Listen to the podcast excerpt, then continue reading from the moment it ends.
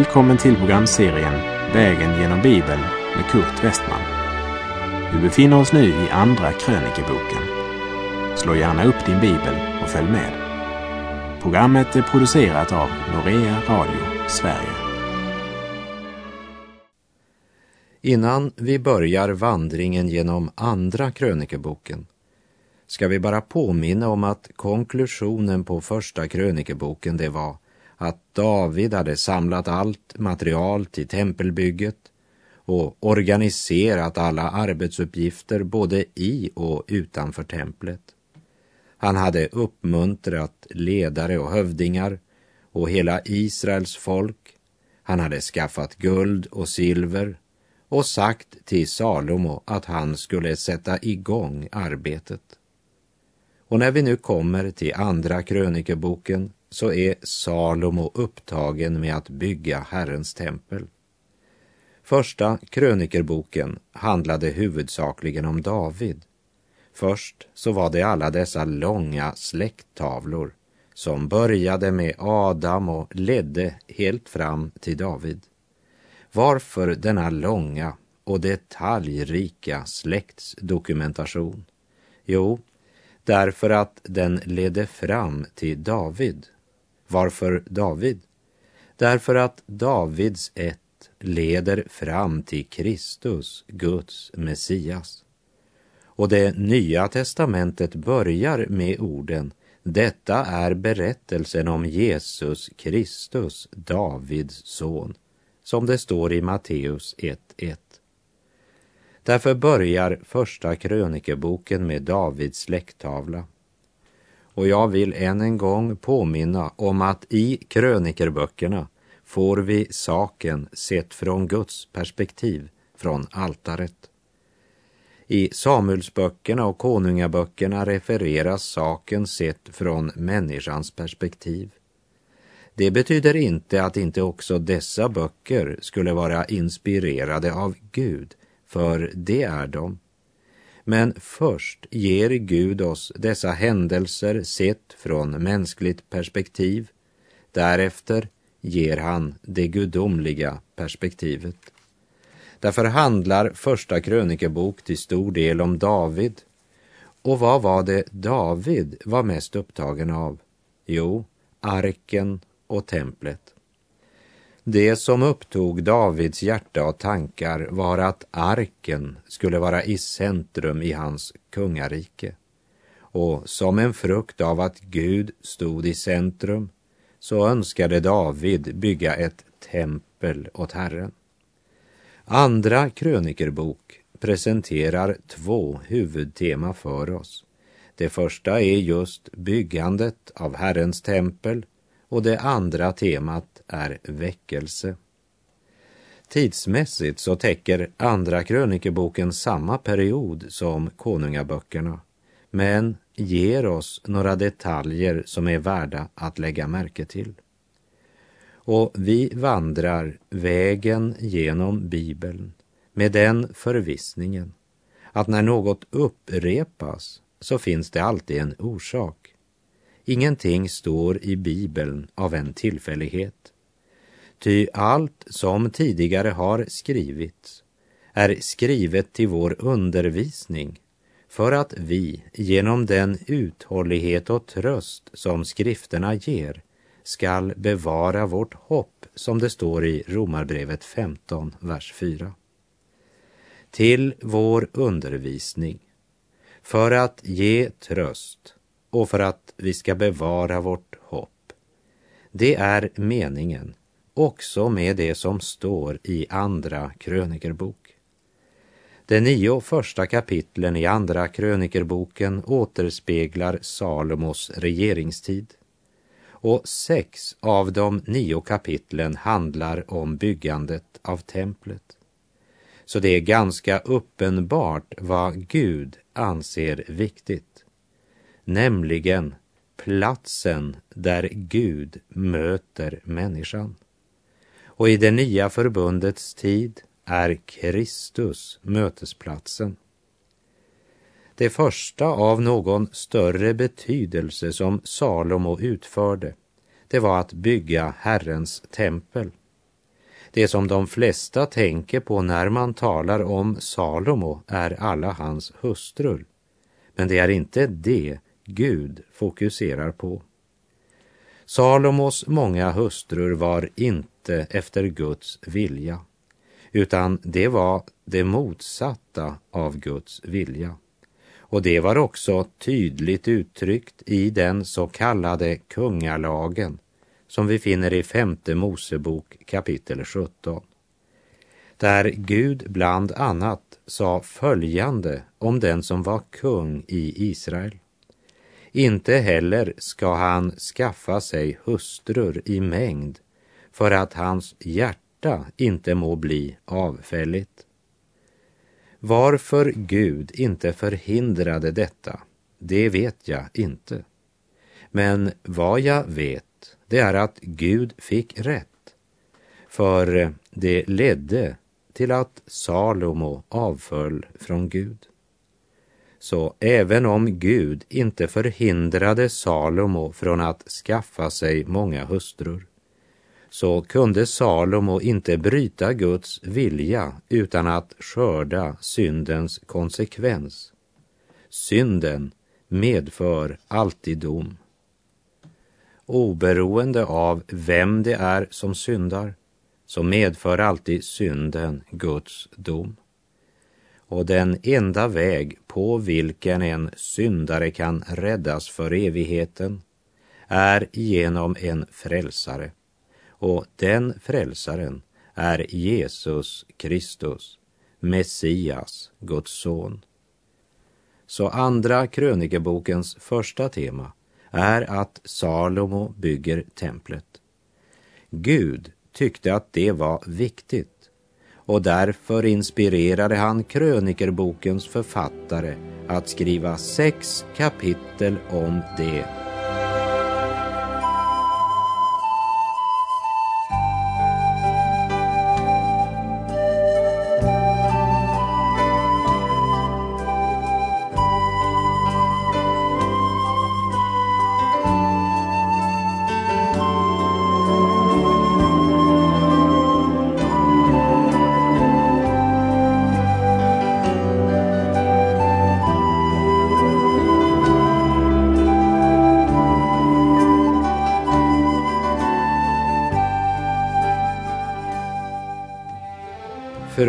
Kapitel 10 i Andra krönikerboken blir Salomos rike delat.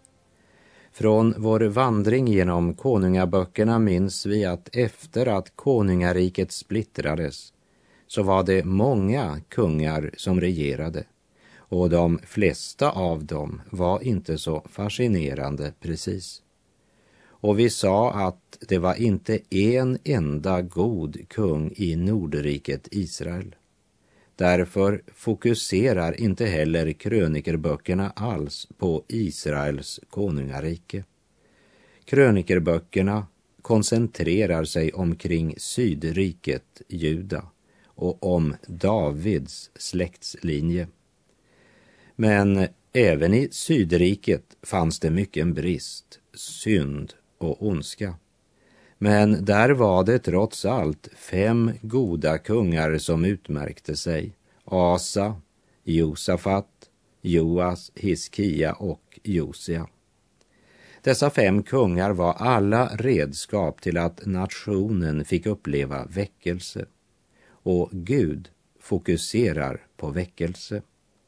Och därför kommer vi att tala en hel del om väckelse när vi nu ska vandra genom Andra krönikeboken. Väckelse står centralt i den bok som ser saken från Guds perspektiv. Det borde ge oss något att tänka på.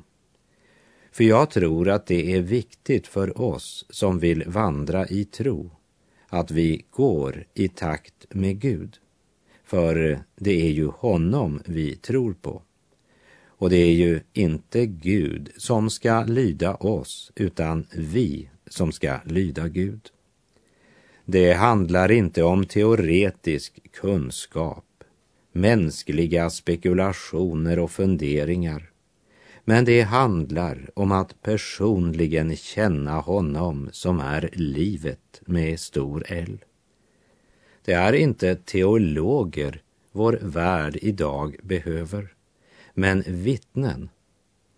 Många gånger är det, om jag får uttrycka det så, det professionella andliga som oftast är det största hindret för verklig väckelse och förnyelse.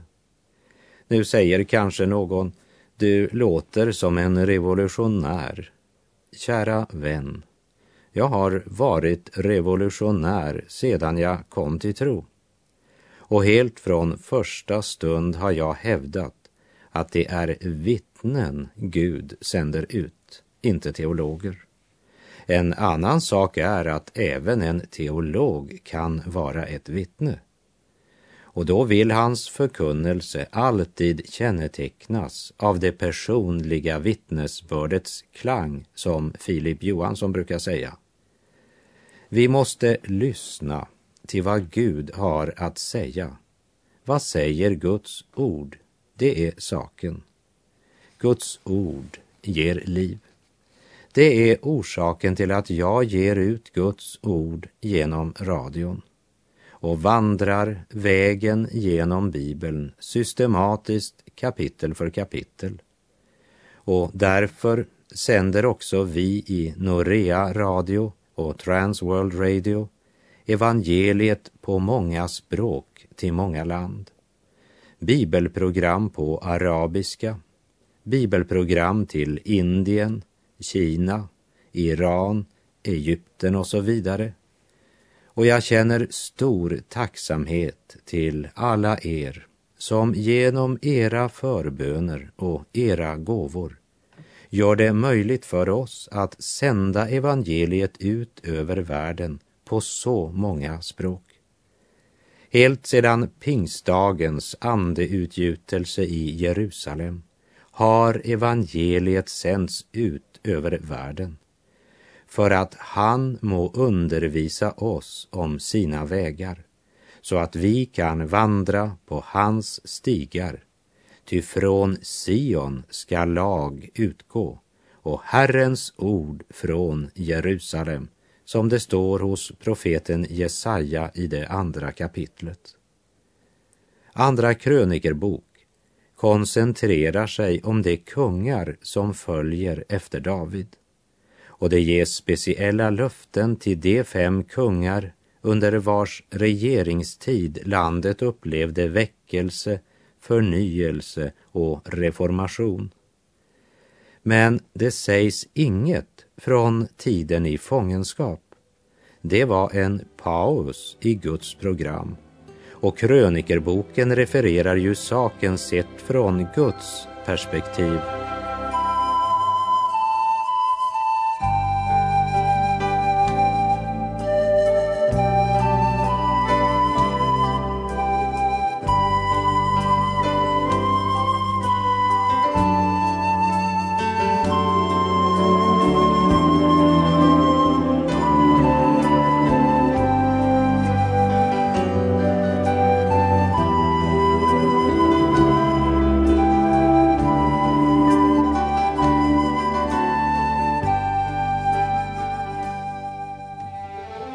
Andra krönikerbok kapitel 1, vers 1.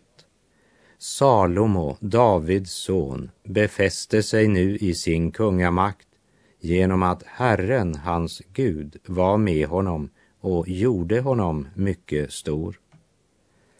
Som jag tidigare nämnt så hade nog David valt sin son Absalom framför Salomo.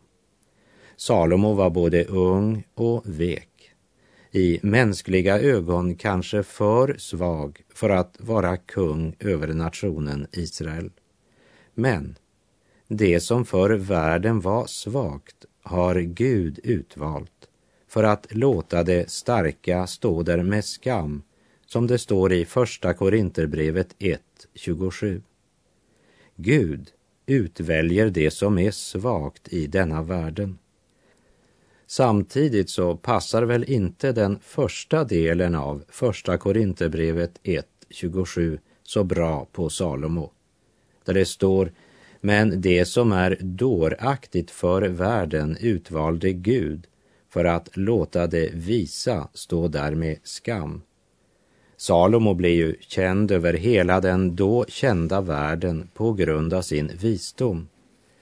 Men Salomos livsöde kommer att visa oss att inte ens den största mänskliga visdom kan hjälpa den som inte vill böja sig för Guds visdom och söka Herrens vilja. I Lukas 9, vers 25 säger Jesus Vad hjälper det en människa om hon vinner hela världen men förlorar sitt liv eller själv går förlorad? Kapitel 1 börjar med att Gud befäste Salomos makt och gjorde honom mycket stor. Ja, Gud är god. Men vi ska snart upptäcka att Salomo inte lyder Gud. Och det kommer till en punkt då Gud konfronterar honom med det och låter Salomo veta att Gud kommer att dela riket. Salomo är den som djupast sett är ansvarig för rikets delning. Orsaken till att Gud inte lät det ske under Salomos tid, det var på grund av David, inte på grund av Salomo. Vi läser vers 2. Och sedan Salomo hade låtit kallelse gå ut till hela Israel, till över och underhövitsmännen, till domarna och till alla hövdingarna i hela Israel, huvudmännen för familjerna, begav han sig med hela denna församling till offerhöjden i Gibeon. Ty där stod Guds uppenbarelsetält som Herrens tjänare Mose hade gjort i öknen. Arken, den har alltså David fört upp till Jerusalem och där förvaras den i ett tält tills Herrens hus har blivit byggd. Men det är inte tabernaklet som förts till Jerusalem, för det står alltså ännu kvar i Gibeon som vi ser här. Och därmed stod också brännofferaltaret som talar om Kristus i Gibeon. Och därför måste de gå dit för att möta Gud. Men nådastolen var inte där längre. Den stod i Jerusalem. Arken representerar Guds förbund med sitt folk och är genom arkens lock, nådastolen, ett tecken på Guds nåd. Vid brännofferaltaret ger människan sin respons på Guds nåd. Och när templet är fullfört kommer också allt att samlas där.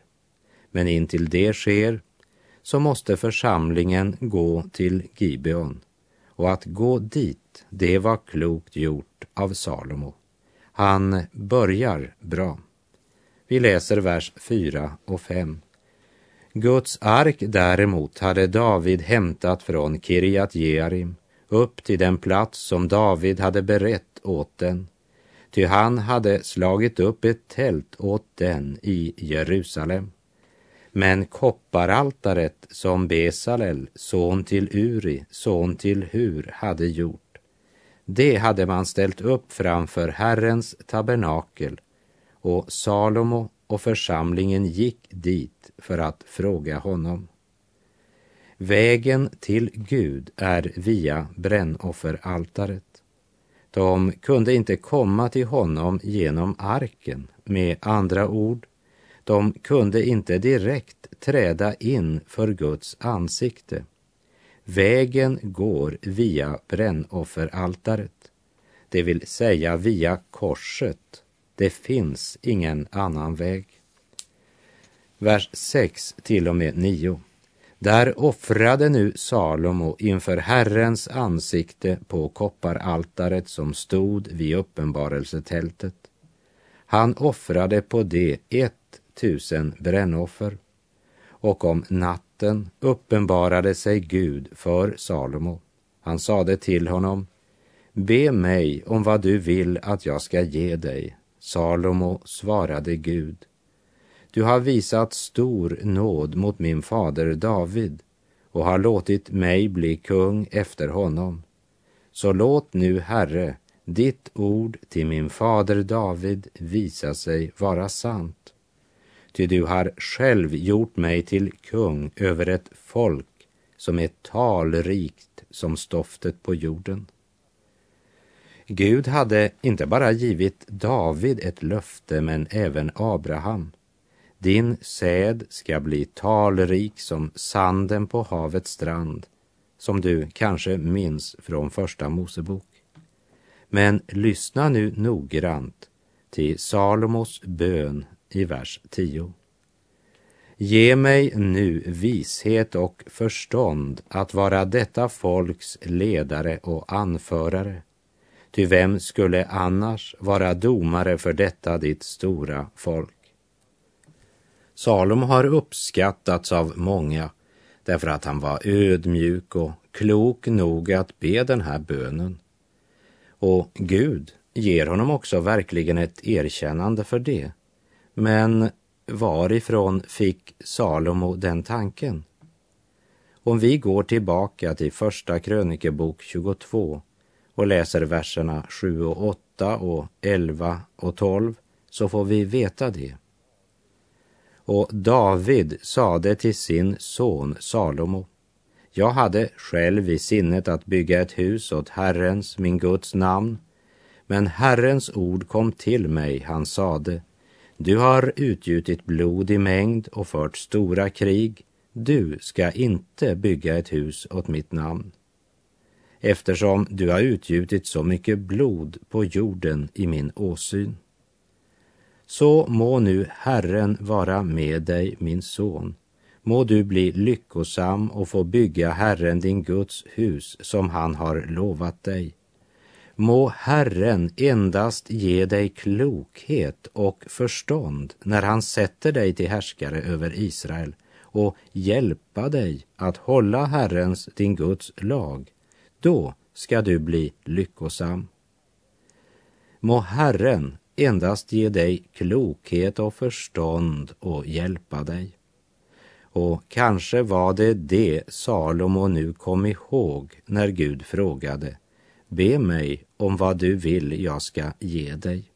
Då svarar Salomo Ge mig nu vishet och förstånd. Och vi läser vers 11 och 12. Då sade Gud till Salomo Eftersom du är så till sinnes och inte har bett om rikedom, skatter och ära eller om dina ovänners liv och inte heller bett om ett långt liv utan har bett om vishet och förstånd så att du kan vara domare för mitt folk över vilket jag har gjort dig till kung. Därför må vishet och förstånd vara dig givna. Dessutom vill jag också ge dig rikedom och skatter och ära, så att ingen kung före dig har haft och inte heller någon efter dig skall ha så mycket av detta. Gud lovar att besvara hans bön och utlovar också en annan välsignelse. Men jag ber dig lägga märke till att han ber om förstånd att vara detta folks ledare, det vill säga politisk visdom. Salomo bad inte om andligt omdöme. Och vi kommer att upptäcka att det var något han saknade i sitt eget liv. Även om han fick stor kunskap och visdom till att regera klarade han inte att styra sitt eget liv. Det är värt att tänka på. Vi läser verserna 14 till 17. Och Salomo samlade vagnar och ridhästar så att han hade 1400 vagnar och 12 000 ridhästar. Dem förlade han dels i vagnstäderna dels i Jerusalem hos kungen själv och kungen styrde så att silver och guld blev lika vanligt i Jerusalem som stenar och cederträ lika vanligt som mullbärsfikonträ i låglandet. Och hästarna som Salomo lät anskaffa infördes från Egypten. Ett antal kungliga uppköpare hämtade ett visst antal av dem till bestämd pris.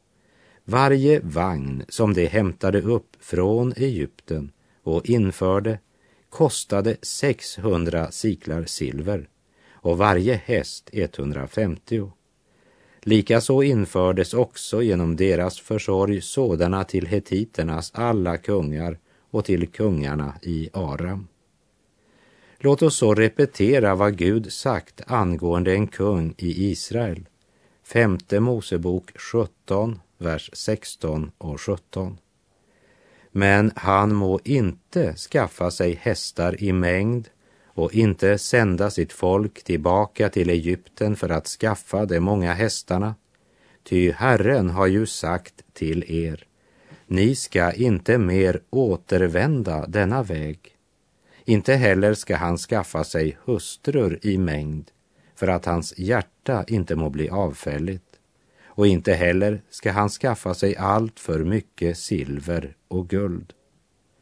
Trots stor politisk visdom handlar han dåraktigt i förhållande till Gud. Han vinner hela världen, men hur går det med hans egen själ? Ja, det får vi se när vi fortsätter vår vandring vägen genom Bibeln. För nu är vår tid ute för den här gången. Och jag säger på återhörande, om du vill. Herren vare med dig. Må hans välsignelse vila över dig. Gud är god.